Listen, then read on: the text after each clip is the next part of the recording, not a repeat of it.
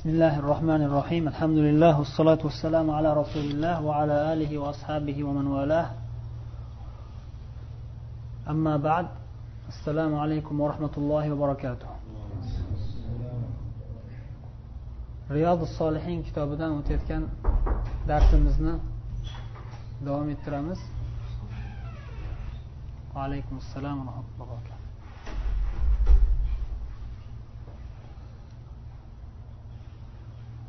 oltinchi bob. Babu taqvo yoki babun fit taqvo deb. Nimada yozilgan ekan sizlarda? Babun fit taqvo taqvo haqidagi bob. Oltinchi bob taqvo haqidagi bob deb aytyaptilar. Babun fit taqvo deyaptilar. Taqvo haqida bob deyaptilar. Nimaga? Babu taqvo desa xuddiki shu mavzuni hammasini qamragan bob deganga o'xshab qolishi mumkin. O'shandan ehtiyot bo'lib babun fit taqvo. Taqvo haqida bir bob. Ya'ni hammasini qamrolmaydi bir qisqa ozgina narsani zikr qilamiz xolos degani. Chunki taqvo haqida hammasini zikr qilaman desa bu kitob o'zi yetmay qoladi. Tom tom kitoblar kerak bo'ladi. Jild jild katta katta kitoblar yozish kerak bo'ladi taqvo haqida keng qilib yozaman desa juda ko'p narsa yozish kerak bo'ladi. Chunki o'zi nima? Taqvo o'zi nima? Taqvo o'zi din. Hammasi deyarli. Din o'zi taqvoni olib kelgan. Taqvo judayam katta mavzu. Lekin bu yerda imom navoiy rahimaulloh ozgina narsa zikr qilamiz xolos. Chunki kitob katta bo'lib ketsa ham hozirgi zamondagi talabalar dangasa bo'lib qolgan o'qimay qo'yadi. Deganday bir ishora bor ya'ni. Oz bo'lsa ham soz bo'lsin deydi o'zbeklar. Oz bo'lsa ham soz bo'lsin. Ozgina ozgina zikr qilinadi lekin ichida ko'pgina ma'nolar bo'ladi. Rasululloh sollallohu alayhi vasallam nima sifatlaridan biri nima? Utiya javamial kalim. Javomil kalim berilgan. Rasulullohga. Nima degani? Javomil kalim degani. So'zlarni jam qiluvchi kalimalar berilgan. O'zi ozgina kalima lekin hamma ma'nolarni juda ham chuqur ma'nolarni o'z ichiga oladi. Rasululloh sollallohu alayhi vasallam yana anas roziyallohu anhu hadislarida keladi. Kana yatahavvaluna bil mav'iza mav'izada ozgina ozginadan berardilar. Birdaniga ko'pgina ma'ruza qilmasdilar. Mav'iza qilmasdilar ozgina ozgina maviza qilib turardilar. Shu insonga ozgina berilsa ham lekin soz qilib berilsa ichida chuqur ma'nolar bilan berilsa foydasi ko'proq bo'ladi. Ko'pgina berib yog'dirib tashlansa keyin cho'kib ketib qoladi. Nima bo'layotganini tushunmay qoladi. Bosh qotib qoladi. Dangasa bo'lib malollanib qoladi. Shu jihatlardan ehtiyot bo'lish kerak. Demak bu bob taqvo haqida. Allohdan taqvo qilish haqida. At taqvo deyilganda taqvo deyilganda asosan nima ko'zda tutiladi islomda shariatda? Ollohdan taqvo qilish ollohdan qo'rqish. Taqvoni tarifi taqvoni nima degani deb ulamolar sharhlashda ta'riflashda turli xil iboralar bilan sharhlashgan lekin hammasi deyarli bir birisiga o'xshash. Bir birisiga o'xshash ma'nolar lekin lafzlari iboralari yoki e'tibor berilgan mavzulari sal boshqacharoq bo'lsa ham baribir hammasi bir joyga borib taqaladi. Mana bu yerda shayx usaymin rahimalloh sharhda aytyaptilarki attaqvo ismi ma'xuzun minal viqoya viqoyadan olingan ism ism masdar yoki ya'ni viqoya degani nima degani? Himoya degani. Masalan siz hozir kiygan ko'ylaklaringiz sizni nimadir narsadan viqoya himoya qiladi. Sovuqdan himoya qiladi yoki ba'zida issiqdan himoya qilishi mumkin. Mana shimoq taqib yurganlar nima uchun shimoq taqib yuradi ko'chada? Issiqdan oftobdan quyoshdan himoya qilish uchun. Bunaqasiga ham bunaqasiga kerak bo'ladi. Himoya bu viqoya. Taqvo ham shunday. Sizni nimadan himoya qiladi? Ollohning azobidan himoya qiladigan sabablarni bajarish. Taqvo nima ekan? Himoya. Nimadan himoya ekan? Ollohning azobidan himoya. Taqvo qildi degan nima degani ekan? Ollohning azobidan himoya qiladigan sabablarni bajardi degan. Tushunarli bo'lyaptimi? Qanday qilib desa fi'lu avamirillah vajtinabu navahi allohni azobidan himoya qilish uchun sizni nima qilishingiz kerak? Yoki allohning azobidan himoya qiladigan sabablar nima desa ikkita narsaga jamlanadi. Avomirillah ollohning buyruqlarini nima qilish kerak? Bajarish kerak. Ikkinchisi nima? Navahillah olloh qaytargan narsalarni nima qilish kerak? Tark qilish kerak uzoq bo'lish kerak. Olloh bir narsani harom desa olloh harom qilgan deyilsa nima qilasiz? O'sha narsadan uzoq yurasiz yaqiniga bormaysiz. Masalan hozir tomga chiqsangiz ha abdulloh tomga chiqsangiz qirraga bunday qilib qarayman desangiz boshingiz aylanib yiqilib ketib qolishingiz mumkin. Shuning uchun nima nima qilasiz? Yaqiniga bormaysiz. Beshinchi qavatda tomda turgan bo'lsa bunday yaqiniga bormaysiz qo'rqasiz. Bir kishi hazillashib va desa voy! deb yiqilib ketishingiz ham mumkin. Shuning uchun yaqiniga bormaysiz. Yaqiniga borgan odam nima qilgan bo'ladi? Jarliqni yaqiniga kelgan odam nima qilgan bo'ladi? O'zini o'zi xavf xatarga solgan bo'ladi. Ya'ni olloh harom qilgan narsaga yaqin yurmang. Olloh nima dedi misol uchun? Zinoni harom qildi olloh alloh zino harom qildi zinoni harom qildi. Zino harom zino degan nima degani desa o'sha nomahram ayolga yaqinlik qilish. Shu zinoni harom qildi o'shani yaqiniga bormang dedi. Olloh zino qilmanglar demadi. La taznu demadi. Zino qilmanglar demadi. Nima dedi alloh taolo? Ijtanibu dedi ijtanibu. Uzoq bo'linglar dedi. Chetdan yuringlar. Uzoq. Zino u yoqda bo'lsa siz hali ancha uzoq ekanku deb yaqin ketib qolmang uzoqda yuraversin uzoqda qolavering deb uzoqda yurasiz. Qanday bo'ladi uzoqda yurish? Qanday bo'ladi? Kim aytadi? Zinodan uzoq bo'lish. Qanday? Ko'zini tiyadi. Nimadan tiyadi? Nomahram ayollarga qaramaydi.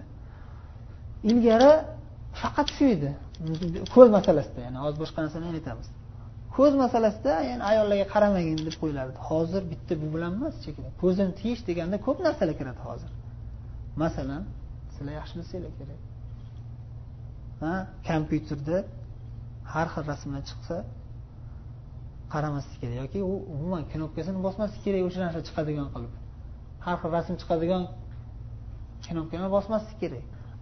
Zinodan uzoqlashinglar deyilsayu siz kompyuterda o'tirib har xil narsalarni bosib tashlasangiz o'zidan o'zi man bunday qilmoqchi emasdim o'zidan chiqib ketib qoldi bu bir misol. Yana bir misol nima? Quloq. Ya'ni ayollarni ovoziga quloq solmang. Kimlardir shu musulmonman deydi yana nima qiladi? Ashulalarini yaxshi ko'raman deydi. Yaxshi ashula aytadi deydi. O'zi shu narsalarga quloq solishlikni o'zi nima? Zinodan uzoq yurmaslikda bu. Zinoga yaqinlashib ketishlik balo musibat anaqa jarlikqa yaqin ketish. Sizni shayton itarib yuboradi xudo saqlasin. Demak bu bittasi yana bitta vasila uchinchi vasila nima? Hayol qalb. Hayol hech narsa ko'r man kino ko'rmayapman. Kompyuterda har xil suratlarga qaramayapman deyishingiz mumkin. Ayollarni gapiga quloq solmayapman hech qanaqa ayol ovozini eshitmayapman deyishingiz mumkin. Lekin o'tirgan joyingizda birov sizni kitob o'qibdi deya kitob o'qib o'tiribdi deyishi mumkin lekin sizni hayolingizda bilmayman amerika rossiya qayerlarda bir nimalardir hayolingizdan o'tayotgan bo'lishi mumkin. Demak hayot inna sama dedi alloh taolo. Val basara val fuada kullu ulaika kana anhu mas'ula. Qulog'ingiz eshitish ya'ni sama eshitish ko'zingiz val basara ko'rish. Val fuad qalb hayo hammasi. Kullu ulaika kana anhu mas'ula. Undan hammasidan so'raladi sizdan qiyomat kuni. Nima uchun hayolingda har xil hayollarni tasavvur qilding? To'satdan kelib qolsa zarari yo'q. Ya'ni shayton tinch qo'ymaydi har xayol olib keladi sizga ovlash uchun sizni. Sizni ovlash uchun o'sha narsaga ovlansangiz muammo bo'ladi. Astag'firulloh deb yana tasavvur qilaversangiz. Ha bunda gunoh bo'lib qoladi. Unda o'sha zino tarafga qarab ketayotgan bo'lasiz. Unda taqvo yo'qolayotgan bo'ladi. Taqvo nima bo'ladi? Yo'qolib ketayotgan bo'ladi. Siz zinodan uzoqlashish o'rniga taqvodan uzoqlashayotgan bo'lib qolasiz. Naudu billahi min zalik. Alloh taolo hammamizga taqvoli bo'lish nasib qilsin. Imom navoiy e, ba'zi bir oyatlarni zikr qildilar. Masalan ya ayyuhallazina amanu taqulloha haqqa tuqatih. Ey iymon keltirgan zotlar ey iymon keltirgan mo'minlar ittaqulloha haqqa tuqatih. Allohdan taqvo qilinglar. Qanday taqvo? Haqqa tuqoti haqiqiy qo'rqishlikda qo'rqinglar ollohdan haqiqiy taqvo qilinglar. Yolg'ondagi taqvo qilmanglar ya'ni chala chilpa taqvo qilmanglar. Haqiqiy mukammal taqvo bo'lsin. Mukammal taqvo bo'lsin. Allohdan taqvo qilishda mukammal darajada taqvoli bo'lishga harakat qilinglar ya'ni. O'zi aslida hamma bandalar ming harakat qilsa ham mukammal darajada bo'lmaydi. Lekin shunga harakat qilish kerak. Shuning uchun alloh taolo keyingi oyatda shuni tafsir qilib bu oyat keyingi oyatda tafsir qilingan. Alloh taolo keyingi oyatda ana imom navoiy o'zlari keltiryaptilar. Fattaqulloha mastatotum allohdan taqvo qilinglar mastatotum toqatinglar yetganicha istitoat bo'lganicha qurbinglar yetganicha taqvo qilinglar. Qo'linglardan kelgancha ya'ni farz amallar bor bajaringlar. Nafl amallar endi u yog'i sizlarni harakatinglarga qarab himmatinglarga qarab. Agar himmatinglar oliy darajada bo'lsa ko'p nafl ibodatlarni bajara olasizlar. Buni qarshisida harom narsalar bor harom narsalardan taqataq to'xtanglar uzoq bo'linglar. Makruh narsalar bor yoki shubhali narsalar bor qo'linglardan kelgancha qurbinglar yetgancha undan uzoq bo'linglar. Chunki bular makruh narsaku deb pastga ursa yomon bo'ladi. E'tiborsiz qarasa yomon bo'ladi. Nimaga? Chunki bu makruh narsa bu sirpanchiq sirpanchiq joyga kelsangiz nima bo'ladi? Sirg'anib ketib qolasiz. Sirg'anib ketib sizni tortib oladi. Magnet ya'ni magnet degan narsa ham bor bilasizlar. Bu harom narsaga tortadigan narsa makruh narsalar. Shuning uchun ehtiyot bo'lish kerak. To'g'ri siz bir marta ikki marta tushib qolishingiz mumkin harom qildi demaymiz. Taqvosi yo'qoldi demaymiz lekin ha xatarga kelib ketdi. Jarliqqa qarab ketyapti xudo saqlasin ehtiyot bo'lish kerak. وهذه الآية مبينة للمراد من الأولى mana bu ittaqulloha mastata'tum fattaqulloha mastata'tum degan oyat undan oldingi oyatga bayon qiluvchi oyat deyaptilar ya'ni haqiqiy taqvo qilinglar deganda alloh taolo sizga butun umringizni shunday tirishib tirmashib o'zingizni qiynab o'ting demoqchi emas qurbingiz yetganicha qalbingiz bilan o'zingiz hukm chiqaring rasululloh sollallohu alayhi vasallam hadisda aytganlaridek sahobiyga istafti qalbak istafti qalbak va in aftaka nas va aftauk nima qalbingizdan fatvo so'rang. Qalbdan dedilar. Nafsak demadilar. Nafs havoyi nafsga qo'ysangiz hamma narsani yaxshi ko'raveradi. Bu yaxshi narsa bu yaxshi narsa. Yo'q qalbingizdan so'rang. Qalbingizga murojaat qiling. Iymoni bor qalbga aytilyapti. Mo'min kishiga aytilyapti. Istafti qalbizda shu narsa xudoni rozi qiladigan narsami yo'qmi deb tafakkur qiling. Afala tafakkarun tafakkur qilmaydilar. Tafakkur qiling. Keyingi oyatda alloh taolo aytyapti ya ayyuhalladina amanu ittaqulloha va qulu qawlan sadida. Ey iymon keltirgan zotlar allohdan taqvo qilinglar va to'g'ri so'z aytinglar. وقولوا قولا سديدا to'g'ri so'z aytinglar deyapti alloh taolo to'g'ri so'z degan nima degan desa usaymin sharhda aytyaptilar al qavlu savob to'g'ri yashmalu kulla qawlin fihi khayr سواء كان من ذكر الله أو من طلب العلم أو من الأمر بالمعروف والنهي عن المنكر أو من الكلام الحسن الذي يستجلب به الإنسان مودة الناس ومحبتهم أو غير ذلك ويجمعه قول النبي صلى الله عليه وسلم من كان يؤمن بالله واليوم الآخر فليقل خيرا أو ليصمت to'g'ri so'z nima desa to'g'ri so'z kullu qavlin fihi xayr yaxshilikni ichiga o'z ichiga olgan ichida ichida yaxshilik bo'lgan hamma yaxshi so'zlar misol uchun ya'ni zikrulloh allohni zikr qilish subhanalloh alhamdulillah hadisda rasululloh aytdilar sollallohu alayhi vasallam ahabbul kalami ilalloh arba. Allohga eng suyukli so'z to'rtta. Nima dedilar?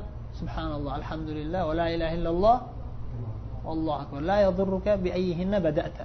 Qaysi biridan boshlasangiz ham sizga zarari yo'q foydasi bor zarari yo'q. Subhanalloh alhamdulillah la ilaha illalloh allohu akbar. Ahabbul kalam ilalloh shunga o'xshagan zikrlar. O'zi butun hayotimiz ollohni zikri bilan o'tishi kerak. Zikrulloh hamma yaxshiliklarni jamlaydi.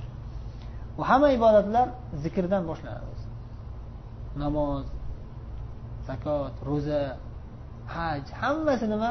Zikr. Asli ruhi har bir ibodatni asosiy mag'zi ruhi nima? Ollohni zikr qilish.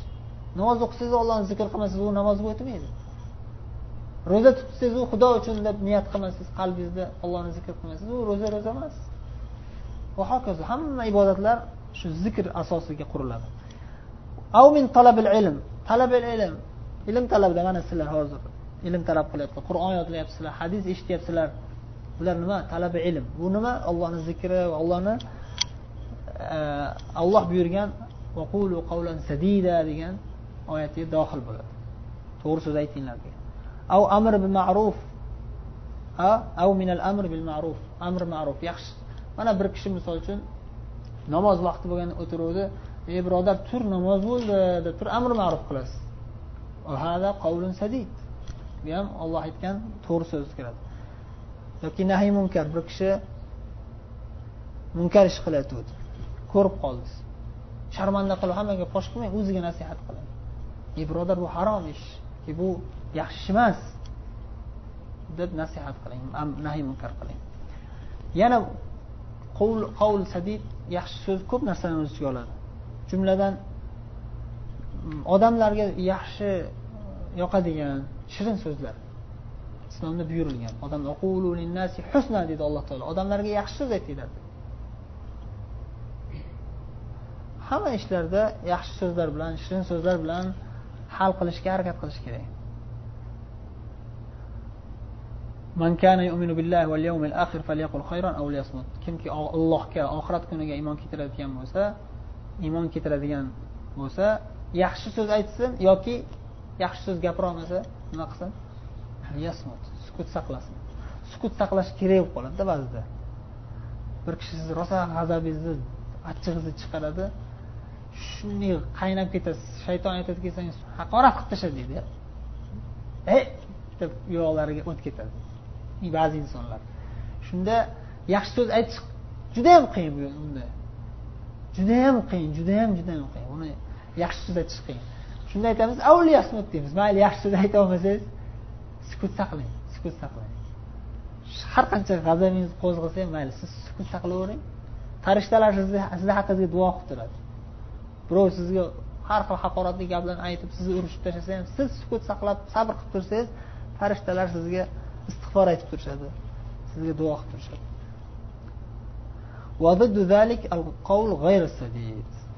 Buni teskarisi to'g'ri so'z bo'lmagan so'z.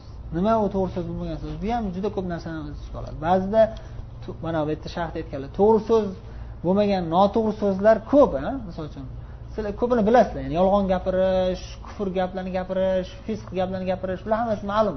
Lekin ba'zida ba'zi odamlar hayoli kelmaydigan man to'g'ri so'z aytyapman deb o'ylaydigan o'zi aslida to'g'ri so'z bo'lmagan so'zlar bor. Zohirdan qaraganda to'g'ri so'z oyat gapiryapti hadis gapiryapti. Oyat o'zi to'g'ri hadis lekin noo'rin gapirish. Noo'rin gapirish ham noto'g'ri so'zga kirib qoladi. Ya'ni masalan qo'pollik bilan bir kishi bomdodga uxlab qolgan bo'lsa uxlab qolayotgan bo'lsa uyg'otish uchun kelib ey deb baqirib tepib tashlasangiz amr ma'ruf qilyapman man nahiy munkar qilyapman deb davo qilishi mumkin. Lekin noto'g'ri so'z deymiz chunki noo'rin behikmatlik. Rasululloh hadisda aytdilar. Qo'pollik qaysi bir ishda bo'lsa o'sha narsani xunuk qilib tashlaydi. Qaysi bir ish qo'pollik bilan bajarilsa u xunuk bo'lib ketadi. Imom navoiy aytdilarki e, taqvoga buyuradigan oyatlar kasiratun ma'luma ko'p va ma'lum ko'p deyarli hammanglarga ma'lum ya'ni ittaqulloh degan oyatlar ko'p yana bittasi masalan sizlarga taalluqlisi bu yerda zikr qilinmagani biz zikr qilishimiz munosib hozir vattaqulloh va yuallimukumulloh vattaqulloh va yuallimukumulloh ollohdan taqvo qilinglar olloh sizlarga ilm beradi. Olloh sizlarga ilm o'rgatadi. Sizlar nima uchun o'tiribsizlar bu bu yerda madinada? Nima uchun yashayapsizlar? Talaba ilm. Ilm olmoqchisizlar kelajakda nima bo'lmoqchisizlar olim bo'lmoqchisizlar inshaalloh. Yaxshi niyat qilinglar. Olim bo'ling deb yaxshi niyat qilinglar va yaxshi harakat qilinglar. Lekin shuni esdan chiqarmaslik kerakki yigirma to'rt soat kechayu kunduz talaba ilm qilsangiz ham yaxshi o'qisangiz ham qur'onni yodlab hadislarni yodlab ilmiy kitoblarni o'qib tashlasangiz ham asos poydevor bo'lmasa u ilm befoyda bo'lib qoladi. Nima u asos? Nima u poydevor? Ittaqulloh. Olloh aytdi vattaqulloha va yuallimukumulloh. Ollohdan taqvo qilinglar olloh sizlarga ilm beradi dedi. Sizlar mana shu asos esinglardan chiqadi doim birga bo'lishi kerak. Bo'lmasam ilm hech qanday foydasi bo'lmaydi. Shayton eng ko'p ilmi bor maxluq. Ollohni bandalarini ichida mana nechidir million yil bo'lgan bo'lsa agar bu dunyo yaratilgan hammani ilmini biladigan shayton. Juda ko'p ilmi bor shaytonni lekin bir tiyin foydasi yo'q unga. Malun. Shayton la'natlangan do'zaxga tushadigan eng yaramas bir banda maxluq allohga kofir bo'lgan banda olloh la'natlagan banda shayton. Lekin ilmi ko'p.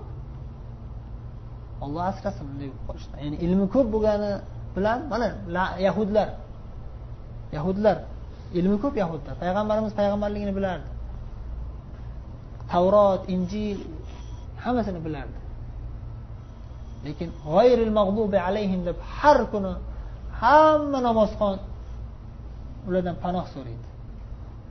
Shaytonlar e, yahudlardan va nasorolar. Nasorolar ilmi yo'q lekin adashib ketgan johillik sababli.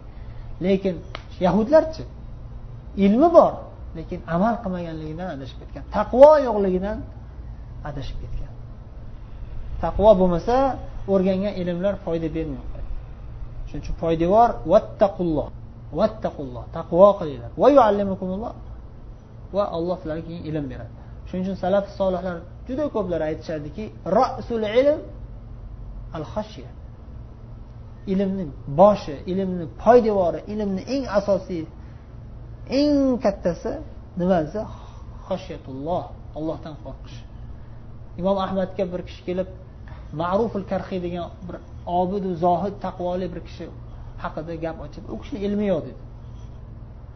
Mah! deb urishib berdi. O'chir ovozing rasul ilm al u ma'ruful karxiyda ilmni boshi bor kallasi bor asosiysi bor unda eng katta ilm bor unda dedilar al hashiya allohdan taqvo qilish dedilar shunday bo'lishimiz kerak biz ham harakat qilishimiz kerak shunga alloh taolo sizlarni hammamizni shunday haqiqiy taqvoli ahli ilmlardan qilsin demak mana shu oyatlari bilan e, cheklanib aytyaptilarki taqvoga amr qiladigan buyruq berib aytilgan oyatlar ko'p taqvoga buyurgan oyatlar ko'p. Dedilarda keyin yana ikkita oyat zikr qildilar taqvoga buyurgan emas taqvoni foydasini zikr qilgan oyat zikr qildi. Taqvoni foydalaridan ba'zilarini eslatgan ikkita oyat keltirdilar. ومن يتق الله يجعل له مخرجا kimki ollohdan taqvo qilsa olloh unga mahraja yo'l ochib beradi va unga u o'ylamagan tomonlardan rizq beradi kim ollohdan taqvo qilsa demak taqvoni foydalaridan ikkitasi mahraja qiyinchiliklardan yo'l ochilib qutulib chiqib ketadigan yo'l beradi. Va qiyinchilikda bo'lmasangiz ham oddiy holatda turgan bo'lsangiz ham sizni hayolingizga kelmagan tomonlardan alloh sizga rizq nasibalar yog'dirib rizqingizni keng qilib qo'yadi. Taqvo bo'lsa allohdan haqiqiy xolisona taqvo bilan yashasangiz. Keyingi oyatda yana alloh taolo aytyaptiki ويكفر عنكم سيئاتكم ويغفر لكم والله ذو الفضل العظيم agar sizlar ollohdan taqvo qilsangizlar olloh sizlarga furqon beradi furqon furqon nima haq bilan botilni orasini ajratadigan vosita ajratadigan ilm ya'ni Ollohdan taqvo qilgan zotlarga olloh furqon beradi. Ya'ni haqiqiy taqvoli odamlar gangib qolmaydi. Hech qayerda. Boshi aylanib nima qilishini bilmay boshi qotib qorong'ulikka kirib qolmaydi. Haqiqiy taqvoli odamlar har bir muammoda va har doim to'g'ri yo'l nimaligini topib oladi. To'g'ri ish nimaligini topib oladi. To'g'ri javob nimaligini topib oladi. Hozir javob bo'ladi. Bir odamni gangitib qo'yadigan to'satdan kelib qoladigan savollar to'satdan kelib qoladigan holatlarda o'zini yo'qotib qo'ymaydi. To'g'ri yo'ldan yuradi. Alloh unga nur beradi ya'ni. Yana bir foydasi sizlarni gunohlaringizni kechirishga sabab bo'ladi. Alloh taolo kechirib yuboradi. Taqvoli bo'lgan odamlar bitta ikkita gunoh qilib qo'ysa ham olloh kechirib yuboradi. Bilmasdan qilib qo'yadida yoki ba'zida iymoni zaiflik qilib taqvosi zaiflik qilib gunoh chiqib qo'yadi darrov tavba qiladi alloh kechirib yuboradi. Va alloh sizlarni mag'firatiga oladi. Vallohu zul fazlil azim va alloh taolo zul fazlil azim. Juda ham buyuk fazilatlar egasi bo'lgan zot. Endi bu mavzuda yani umuman taqvo haqidagi oyatlar juda ham ko'p va ko'pchiliklarga ma'lum.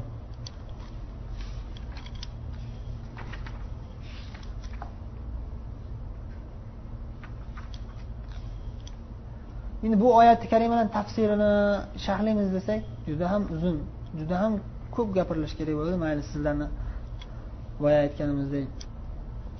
Malollantirib qo'ymaylik. Bitta hadis bilan to'xtaymiz. Bitta hadis o'qiymiz keyin to'xtaymiz. Oltmish to'qqizinchi hadis. Mana shu bobdagi birinchi hadis bo'ladi. Biz hozir oltinchi bobdamiz taqvo bobida. Oltinchi bob bu. Riyozi solihinda boblarni tartib bo'yicha oltinchi bob. Birinchi hadis mana shu bobda u umumiy tartib bo'yicha oltmish to'qqizinchi hadis bo'ladi. Abu hurayra roziyallohu anhu rivoyat qiladilar. Ya rasululloh deb so'rashdi rasululloh sollallohu alayhi vasallamdan. Man akramun nas eng ulug' eng hurmatli odam kim? Odamlarni ichida. Odamlarni ichida eng hurmatlisi kim? Shunda rasululloh sollallohu alayhi vasallam javob berib aytdilarki atqohum eng taqvolisi dedilar. Inna akramakum indallohi atqokum oyatdan olib javob berib aytdilar ya'ni. Alloh taolo aytgan. Inna akramakum indallohi atqokum allohni huzuridagi sizlarni ichingizdagi eng ulug' bo'lgan eng hurmatli bo'lganingiz eng taqvoli bo'lgan inson. Atqokum sizlarni ichida eng taqvolilaringiz ollohni huzurida eng ulug' inson bo'ladi. Eng eng ulug' banda bo'ladi. Keyin sahobiylar o'sha savol berganlar aytishdiki bu haqida so'ramagandik boshqa savol boshqa maqsadda bergandik deyishdi. Boshqa maqsadda ya'ni ochiq aytgan uyalishyapti ochiq bir savol berishga uyalishib ishora qilib so'rashyaptida. Rasululloh sollallohu alayhi vasallam har xil qilib javob beryaptilar. Ha unaqasiga bunday maqsadda so'rasa bu javob bunday maqsadda so'rasa bu javob deganday qilib javob beryaptilarda yusuf nabiyulloh ibnu nabiyillah ibnu nabiyillah ibnu halilillah eng hurmatli eng sharafli inson haqida so'rayotgan bo'lsanglar nasab jihatdan yoki oilasi mashhurligi jihatdan so'rayotgan bo'lsanglar masalan deganga o'xshash. Yusuf alayhissalom bo'ladi. Nimaga? Chunki yusuf alayhissalom o'zi payg'ambar. Nabiyulloh. Dadasi payg'ambar. Ibn nabiyillah payg'ambarni o'g'li. Bobolari ham payg'ambar. Ibn nabiyillah bobolarini dadalari ham payg'ambar. Ibn halilillah eng ulug' payg'ambarlardan. Kim? Yusuf ibn yaqub ibn ishoq ibn ibrohim. Ketma ket payg'ambarlar avlodi shunday bo'lgandan keyin ulug' inson bo'ladi. Eng ulug' bandalardan bo'ladi. Eng hurmatli payg'ambarni o'g'li payg'ambarni nevarasi payg'ambarni chevarasi. Hammasi payg'ambar bobolari. Ya'ni ibrohim alayhissalomgacha. Ibrohim alayhissalomchi ibrohim alayhissalom halilulloh ollohni eng yaqin do'sti degan. U kishi va payg'ambarimiz muhammad sallallohu alayhi vasallam halilulloh bo'lishgan. Keyin sahobiylar aytishdiki bu maqsadda ham so'ramagandik deyishdi. Ya'ni boshqa maqsadda so'ragandek deyishdi. Keyin rasululloh sollallohu alayhi vasallam ularni maqsadlarini tushunib sezib aytdilar. Ular ochiq aytganda hijolat bo'lishgan bo'lsa kerak. Ya'ni nas nasli nasabi oilasi qabilasi maqsadda so'rashayotganda. Ya'ni muayyan bir shaxs qabila qaysi qabila hurmatliroq. Masalan o'zbeklar yaxshimi qirg'izlar yaxshimi qozoqlar yaxshimi deganday qaysi millat yaxshi deganday. Shu narsani abdulla qora akadanmi yoki bir qora akadan o'tirib qora aka o'zbeklar yaxshiroqmi yoki qirg'izlar yaxshiroqmi? deb so'rasa nima bo'ladi? G'alati savol bo'ladi. Shuni ochiq aytisholmayaptida qora aka shu yerdagina shu qaysi qaysi qaysi bir yaxshiroq qora aka tushunmayaptilar misol uchun? Sizlar eng ulug' inson payg'ambar. Eng yaxshi odam taqvoli odam yo'q yo'q yo'q bu haqida so'ramayapmiz boshqa narsa haqida. Ha nima haqida so'rayapsizlar o'zbeklar yaxshiroqmi qirg'izlar yaxshiroqmi qozoqlar yaxshiroqmi millatchilikka o'xshash savol bo'lganligi uchun ya'ni qabilachilikka o'xshash savol bo'lganligi uchun balki ochiq so'rasholmagan bo'lsa kerak sahobiylar chunki islomda yo'q bu narsa. Ya'ni islomda millat uchun qabilasi uchun hurmatli bo'lib ketadigan ya'ni bu narsa insonni oxiratdagi jannatga kirishiga ta'sir qilmaydi bu narsa. O'zbek bo'lsa qirg'iz bo'lsa qozoq bo'lsa yoki qurashiy bo'lsa yoki tamimiy bo'lsa banu tamimdan bo'lsa yoki banu hoshimdan bo'lsa u jannatga kirdi degani emas. Lekin baribir inson tabiatida bor narsaki hurmatli qabiladan bo'lishni xohlaydi. Inson tabiatida bor narsa. Bu narsa butunlay rad qilib bo'lmaydi. Biz hammamiz orzu qilardik payg'ambarimizni avlodlaridan bo'lsak. Qaniydi biz ahli bayt bo'lsak? Yaxshi inson eng ulug' zot payg'ambarimiz sallallohu alayhi vasallam nabiralaridan avlodlaridan bo'lsak qani edi? Inson tabiati yaxshi ko'radi va bir jihatdan ya'ni haqiqatda payg'ambarga qarindosh bo'lishlik u payg'ambar sallallohu alayhi vasallamni aynan banu hoshimdan ligi alloh taolo ana shu qabilani haqiqatda toza qabilaligiga ishora bu. Nimaga? Chunki odamlarga boshqa qabiladan kelsa odamlar qabul qilmas edi e'tibor e, bu. Lekin banu hoshimdan tanlab olloh payg'ambar yubordi chunki bu banu hoshim eng toza qabila. Eng ya'ni arablar o'zi e'tirof etgan eng yaxshi qabila bo'lgan. Mana shu jihatdan so'rashgan shuning uchun shu shunga ishora bor bu savolda ya'ni. Shuning uchun rasululloh sollallohu alayhi vasallam aytdilarki arablarni koni ya'ni eng afzal qabilasi haqida so'rayapsizlar mana. Xiyaruhum fil jahiliya xiyaruhum fil islam iza faquhu johiliyatda eng afzal deb ko'rilgani islomda ham o'shalar eng afzal bo'ladi. Bitta shart bor. Iza faquhu. Agar faqih bo'lsalar ya'ni shariat ahkomlarini bilsalar deb sharhlayaptilar navoiy o'zlari taliq qilib. Ay alimu ahkam shara shariat ahkomlarini bilsalar va amal qilsalar ya'ni maqsad shu. Ida faquhu shuning uchun rasululloh sollallohu alayhi vasallam boshqa hadisda nima dedilar? Muoviya roziyallohu anhu hadisda rivoyat qilgan hadisda man yuridillahu bihi khayron yufaqqihu fid din. Kimgaki olloh yaxshilikni iroda qilgan bo'lsa istagan bo'lsa xohlagan bo'lsa olloh bandasiga yaxshilikni yufaqqihu din dinda faqih qilib qo'yadi. Shariat ahkomlarini to'g'ri tushunib to'g'ri anglab to'g'ri amal qiladigan qilib qo'yadi.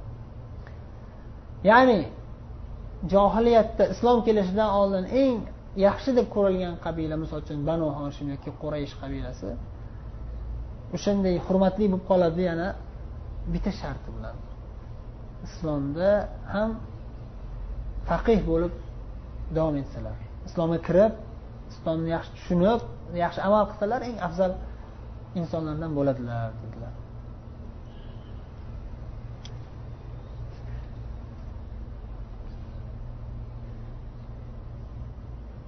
Mana sharhda usaymin aytyaptilarki masalan banu hashim minal ma'ruf hum xiyor quraysh. Banu hashim ma'rufki ma'lumki qurayishni ichidagi eng afzallari eng yaxshilari bo'lgan. Va shuning uchun ham islomda ham ular eng yaxshilardan bo'ladilar. Lakin bishart lekin sharti shuki dinda ollohni dinida faqih bo'lishlari kerak. Dinni ollohning dinini yaxshilab o'rganishlari kerak. فإن لم يكونوا فقهاء فإنهم وإن كانوا من خيار العرب معدنا فإنهم ليسوا أكرم الخلق عند الله وليسوا خيار الخلق agar ollohning dinini o'rganmasalar faqih bo'lmasalar ollohni huzuridagi ulug' inson ulug' banda bo'lmaydilar olloh asrasin ya'ni lekin payg'ambarimiz sollallohu alayhi vasallamni ahli oilalari qarindoshlari ali roziyallohu anhu o'g'illari hasan husayn ayollari fotima onamiz ahli bayt ular ular eng ulug' insonlar. Hamma havas qiladi ular haqiqatda payg'ambar qarindoshlari eng yaqin qarindoshlari va iymonli taqvoli zotlar. Eng kamtar zotlar. Ya'ni payg'ambarimiz qizlarini oling fotima onamiz. Alamin. Butun olam ayollarini sayyidasi. Eng afzal ayol. Lekin shunday bo'lsa ham men payg'ambarni qiziman deb biror marta erkalandilarmi? Aksincha rasulullohdan qo'llari uydagi xizmatlarni bajarib qo'llari yorilib ketayotganligi tufayli bir kun kelib rasulullohdan xizmatchi cho'ri yordamchi so'raganlarida rasululloh sollallohu alayhi vasallam bermadilar. Sizlarga xizmatchidan ko'ra yaxshiroq narsa nima fasabbihulloha talatan va talatin va ahmadulloha talatan va talatin va kabbirulloh arbaan va talatin ya'ni xizmatchi so'rab kelgan eng hurmatli ayol payg'ambar qizi va payg'ambar o'zidan eng ulug' payg'ambardan bitta xizmatchi bering deb so'rab kelganda rasululloh sollallohu alayhi vasallam payg'ambarman man meni qizim bu eng ulug' qiz bu o'nta xizmatchi beringlar. Deyormadilar bitta ham xizmatchi bermadilar. Boshqa musulmonlar muhtojroq sizlarga xizmatchidan ko'ra yaxshiroq narsa o'ttiz uch marta yotishinglardan oldin subhanalloh deb yotinglar. O'ttiz uch marta alhamdulillah deb yotinglar. O'ttiz to'rt marta allohu akbar deb yotinglar. Sizlarga xizmatchidan ming marta yaxshi ali roziyallohu anhu aytadilarki shu vasiyatdan keyin man biror kecha shu narsani tark qilmadim dedilar. Biror kecha yotishimdan oldin o'ttiz marta aytib qo'yish bilan ham cheklanib yotmadim. O'ttiz uch marta subhanalloh deb o'ttiz uch marta alhamdulillah deb o'ttiz to'rt marta allohu akbar deb yotardim. Har kecha biror kecha tark qilmadim kanda qilmadim bu vasiyatlarimni shunda tobiiylardan biri so'radilar siffin? Siffin jangi bo'lgan kecha ham tark qilmaganmisiz deb so'radi. Siffin jangi eng og'ir jang bo'lgan ali roziyallohu anhuga nisbatan. Eng qiyin ma'raka bo'lgan eng xatarli kecha bo'lgan. Jang urush bo'layotgan kecha. O'sha kecha ham vala laylati siffin dedilar. Siffin kechasi ham tark qilganim yo'q. Uni qo'ysa a bu sunnatku astag'firulloh aksariyatimiz shunaqa. o'ttiz uch marta kechasi o'ttiz uch marta subhanalloh o'ttiz uch marta alhamdulillah o'ttiz to'rt marta allohu akbar deb yotyapmizmi? Har kecha. Sunnatku bu deb yotaveramiz. Bundan boshqa sunnatlarni ham tark qilib ha bu sunnatku deb yuraveramiz. Shuning uchun ham ahvolimiz bo'lganicha bo'layotibdi. Shuning uchun ham bu dunyoni ham kashasi chiqayotibdi ahvolimiz dinimiz zaiflashganligi uchun dunyomiz xaroba chiqyapti alloh gunohlarimizni kechirsin astag'firulloh